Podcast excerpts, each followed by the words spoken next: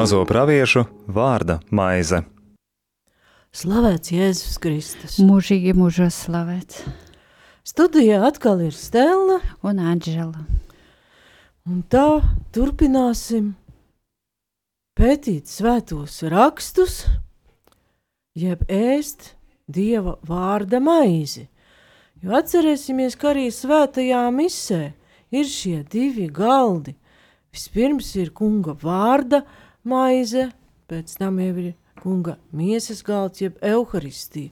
Un dažreiz jau gadās, varbūt tā, gribot, negribot uz to vārda maizi, atnāk tā vēlāk un sev noskaut šo barību. Bet, nu, arī to mēs mēģinām kompensēt ar šiem raidījumiem, jo kā izrādās, ka tieši Latvijas radio Marija ir daudz raidījumu par svētajiem rakstiem, un līdz ar to neviens nevar teikt, ka aha, katoļi nelasa bībeli. Lasa gan. Nu, arī mēs turpināsim šo lasīšanu, jeb maizes ēšanu šajā sezonā, un jāatzīstas, ka mani vairāk pievelk vecā derība, un atkal būs cikls par veco derību, mazajiem praviešiem. Kāds slavens teologs ir sacījis, ka mazo praviešu grāmatām lapas esot krietni salipušas, tad viņas tiek maz lasītas un pētītas, un jāmēģina šo nelaimi izlabot. Jo varbūt kādu atbaida tas vārds mazie pravieši. Kāpēc tad viņi ir mazi? Tur ir vairāki lielie, pieci lielie, 12 mazie pravieši. Hozeja Joēls, Amos, Obaģa, Jona, Miha, Nahums, Habakuks, Cefanija, Hagais, Cakārijas un Maleahijas. Ka viņi sauc par mazajiem, vai tas nozīmē, ka viņi kaut kādā ziņā būtu sliktāki vai vājāki pravieši nekā tie lielie. Nē, viņus tā sauc, tāpēc, ka viņu grāmatas ir mazas apjomā. Piemēram, pravietim Amasam, ar kuru mēs arī sāksim mazo praviešu grāmatu pētīšanu, ir deviņas nodaļas. Un priekš mazo praviešu grāmatām tas pat ir samērā krietni. Ir daža laba grāmata, kur ir divas nodaļas. Tātad tas ir pēc satura apjoma, jo citādi viņi ir spēkā tādi paši un tikpat dziļi un pamatīgi uzrunā cilvēkus, gan toreiz, kad viņi sludināja, gan šodien, kā lielie pravieši.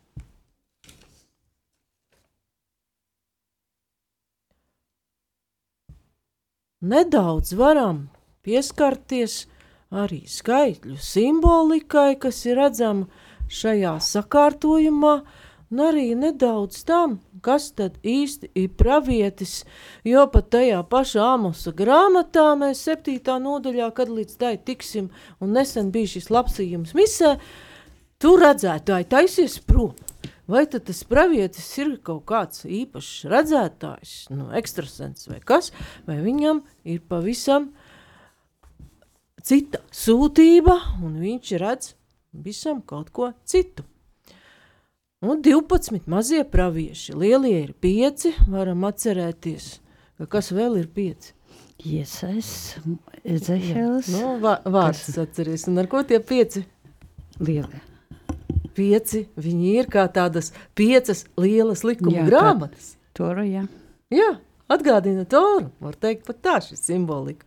Un pieci jau, kur mēs vēl atrodam, ka tās piecas lielās uzrunas, kur ir. Ļoti, ļoti labi zina jaunā derībā, kur bija. Kalna svētība.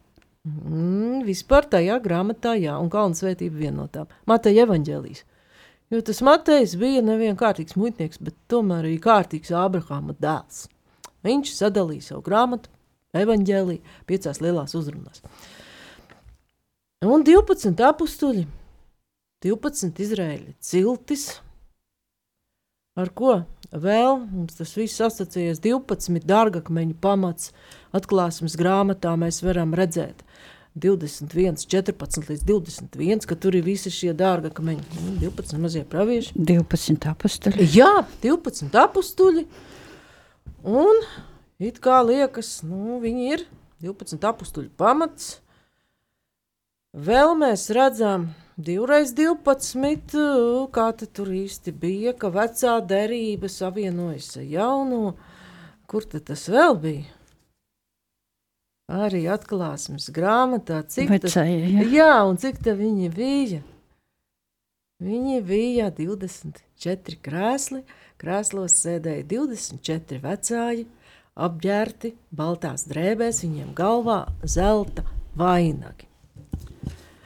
Tajā pašā laikā Pāvils pateiks skaidru un gaiši pirmajā vēstulē korintiešiem 3.11 ka neviens nevar citu pamatu likt kā to, ko Jēzus Kristus ir ielicis.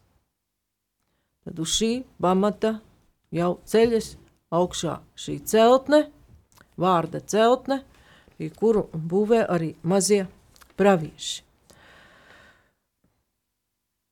Un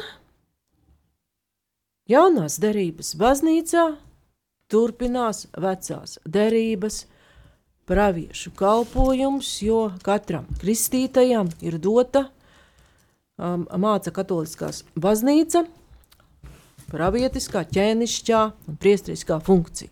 Tad visi ir iekļauti arī šajā vispārējā ķēnišķībā, priesterībā un arī uh, pravietiskumā, un ja mēs tuvāk skatīsimies par šīm visām dāvanām, pa kurām runā Pāvils, tad arī tur to minēsim. Kā ir dažādas dāvanas, viens gars, tām arī praviešu ā, dāvana. Nu, šeit es gribētu uzreiz izlasīt no Pāvila pirmās vēstules korintiešiem 14. nodaļas. Dzenieties pēc mīlestības, dedzīgi tiecieties pēc gara dāvanām, jo sevišķi, lai jūs spētu pravietot, kas runā mēlēs, runā nevis cilvēkiem, bet Dievam, jo neviens taču nesaprot, viņš garā runā noslēpumus, bet kas pravieto, tas runā cilvēkiem, lai viņus celtu, mūdinātu uz un mierinātu. Paldies! Un te no jaunās darības mēs skatāmies atpakaļ uz veco, ļoti skaidri formulēts pravieša aicinājums, un tas, ko pravietis dara, viņš runā cilvēkiem, un tieši tiem cilvēkiem, kas ir ap viņu, viņiem saprotamā valodā. Tāpēc reizē mēs redzam arī vecajā derībā tās dīvainības, ko redzējām pie Ecihila, ka viņš tur guļ uz vieniem sāniem, uz otriem, un vēl nesko eh, trakas lietas dara, lai ar šīm līdzībām un zīmēm tas cilvēkiem aiziet līdz aknai, lai viņi saprot, kas ar viņiem notiek, kur viņi ir nonākuši un kāpēc tas notiek. Pravietis var teikt, pavēsta, kā cilvēku rīcību redz Dievs. Pravietis ir kā šis Dieva dotais spogulis, kurā cilvēks katrs pats, arī veselas tautas un civilizācijas redz sevi. Jau pat bieži konfrontācijā ar Dieva likumu. Jo Atcerēsimies, ka daudzi pravieši ir darbojušies krīžu un posta laikā. Ecehils darbojas, tauta ir trimdā, izvesti cilvēki. ir. Paši zinām, ka tādas situācijas, ka vesels tautas aizved trimdā, nav nemaz tik sen, tās ir atkārtojušās arī 20. gadsimtā. Arī Daniels ir pagānu ķēniņa galmā, cilvēki ir izvesti. Un tur šie pravieši darbojas, lai atbildētu uz jautājumu, kāpēc? Arī mūsdienās ir šis jautājums, kāpēc Dievs pieļauj vienu vai otru lietu. Kur tad ir tas Dievs, ka notiek lielas katastrofas, nelaimes, kari, ir slimība pa visu pasauli? Kur tad tas Dievs ir? Un praviešu uzdevumi ir redzēt šos notikumus Dieva vārda gaismā, viņa likuma gaismā un pavēstīt to cilvēkiem, vai tas viņiem patīk vai nepatīk. Un te mēs nonākam arī par to vārda garšu un kāpēc tas ir kā maize un kāpēc nosaukumā ir minēta šī maize. Paši svētie raksti jau runā par vārda apēšanu. Nu, teikt, atceries, ko? Jezekils. Jā. Beidzot. Jezekils, kas beidzot ir labi atcerējos. Atceries ļoti labi. Un Ecihēlā 3 un 3, trešā nodaļa, trešais pants, tur ir šie vārdi.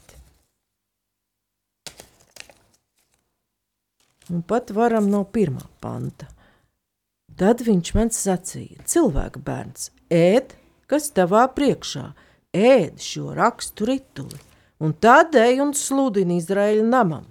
Tad es atvēru muti, un viņš man deva ēst rakstu rituli, un man sacīja: Cilvēka bērns, apēd šo rakstu rituli, ko es tev dodu, un pildi ar to savas iekšas.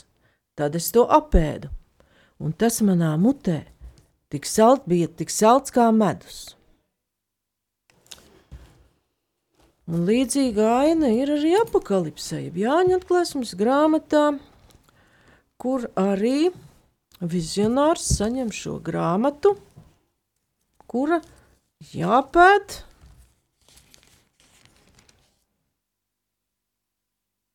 Un atklāsmes grāmatā pat Jānis ir tāds visai nekaunīgs. Un es gāju pie eņģeļa un prasīju viņam, lai tas man dod šo mazo grāmatu. Viņš man teica, ņem, napēd to, un tā būs rūkta tavās iekšās, bet salda kā medus tavā mutē. Un atkal te ir tas paradoks, ka mutē šis dieva vārds ir salds kā medus, bet iekšās rūkts.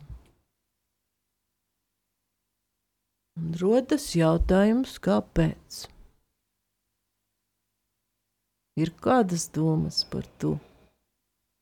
Jo tie vārdi ir ļoti tādi noslēpumaini. Nu, Dievu vārdu pildīt nav tik ar Dievu palīdzību varētu. Jā, jo sākotnēji Dieva vārds pievelk. Jo paši mēs pat nezinām, kā viņš pievelk, ir vēlēšanās to lasīt un saprast. Pravieši vēl ir arī tāds ekseģēt skaidrojums, ka pravieši savu uzdevumu tomēr ir pildījuši ar aizrautību un dedzību, kas tomēr sagādā arī prieku un gandarījumu. Kaut gan atcerēsimies, ka viens otrs arī nu, kustējās ceļā reizēm diezgan negribīgi. Un pat uh, apstājās pildīt, es gribu nomirt un vispār nekā par taviem uzdevumiem kungs negrib nedzirdēt, neredzēt. Bet vēl varētu saprast, ja mēs paši sevi vērojam. Vārds ir skaists, un mēs saprotam, ka viņš ir patiesība.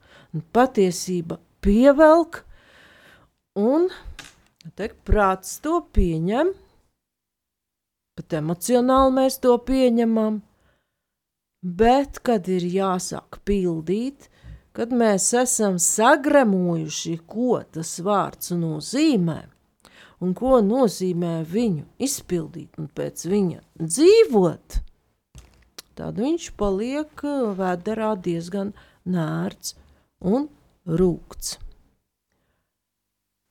Bless.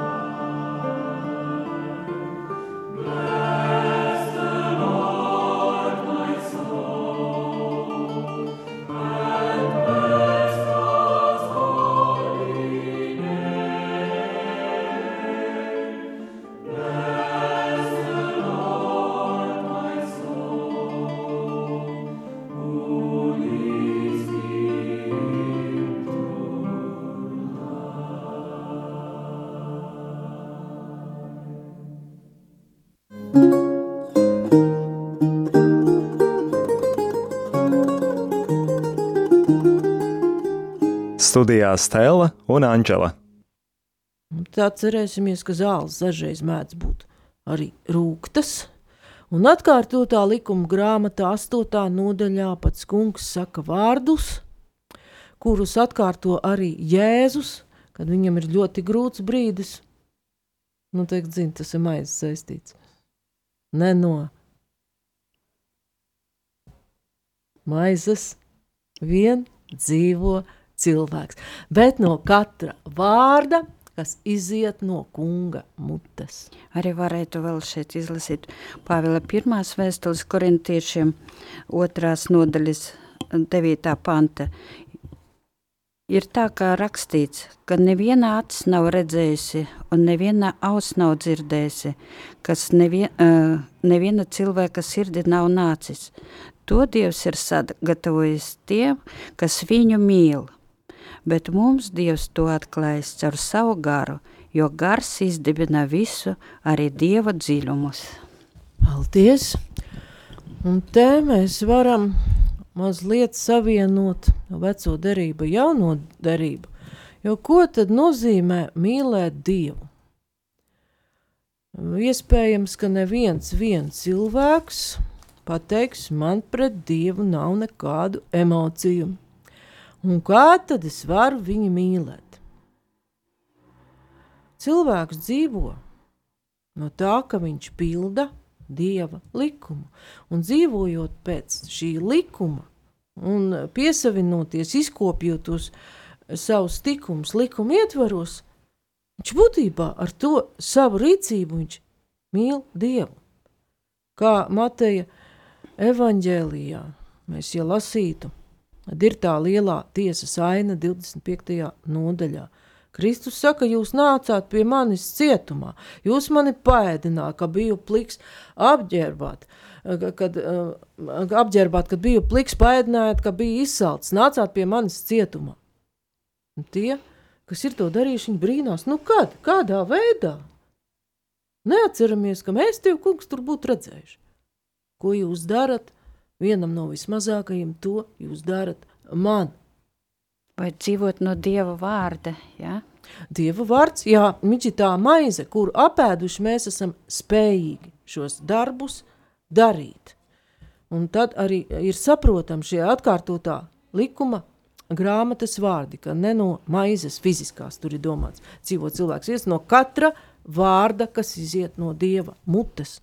Un ar to mēs varam saprast, gan šo uzrakstīto vārdu svētajos rakstos, gan, arī mana maģistra darba vadītāja, reiz teica Terēza Druka, kā arī notikumus to, kas ar mums notiek, mēs varam saprast kā Dieva vārdu savā dzīvē. Dievs runā caur notikumiem, caur cilvēkiem apkārt uz mums, mums jāvar to saprast. Sadarbot. Un arī šo vārdu, Dieva vārdu mēs varam klausīties un arī paturēt viņu savā sirdī.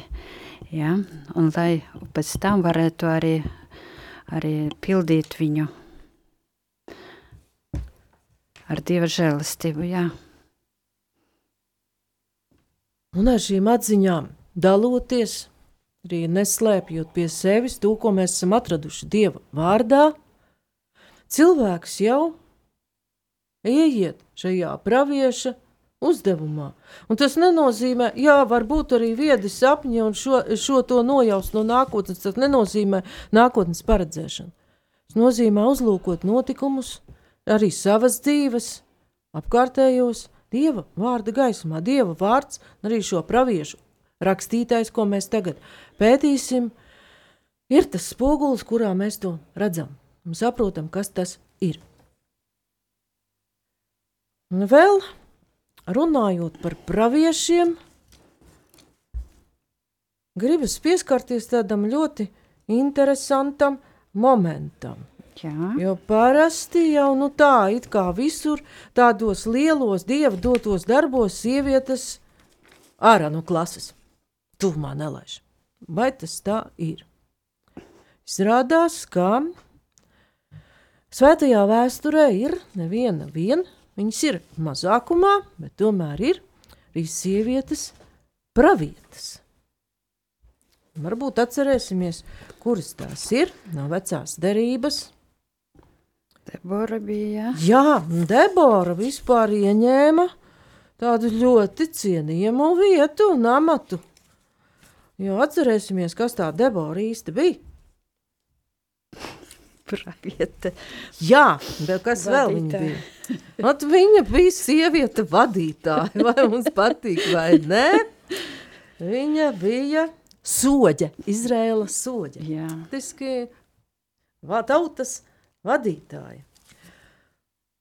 Un arī viņa darbojas, kā kungs nodevis viņus Jabīna kanāna ķēniņa rokā, kas valdīja Hacorā, bet viņa karaspēks bija Sisera, kas dzīvoja Harošeta Goģimā.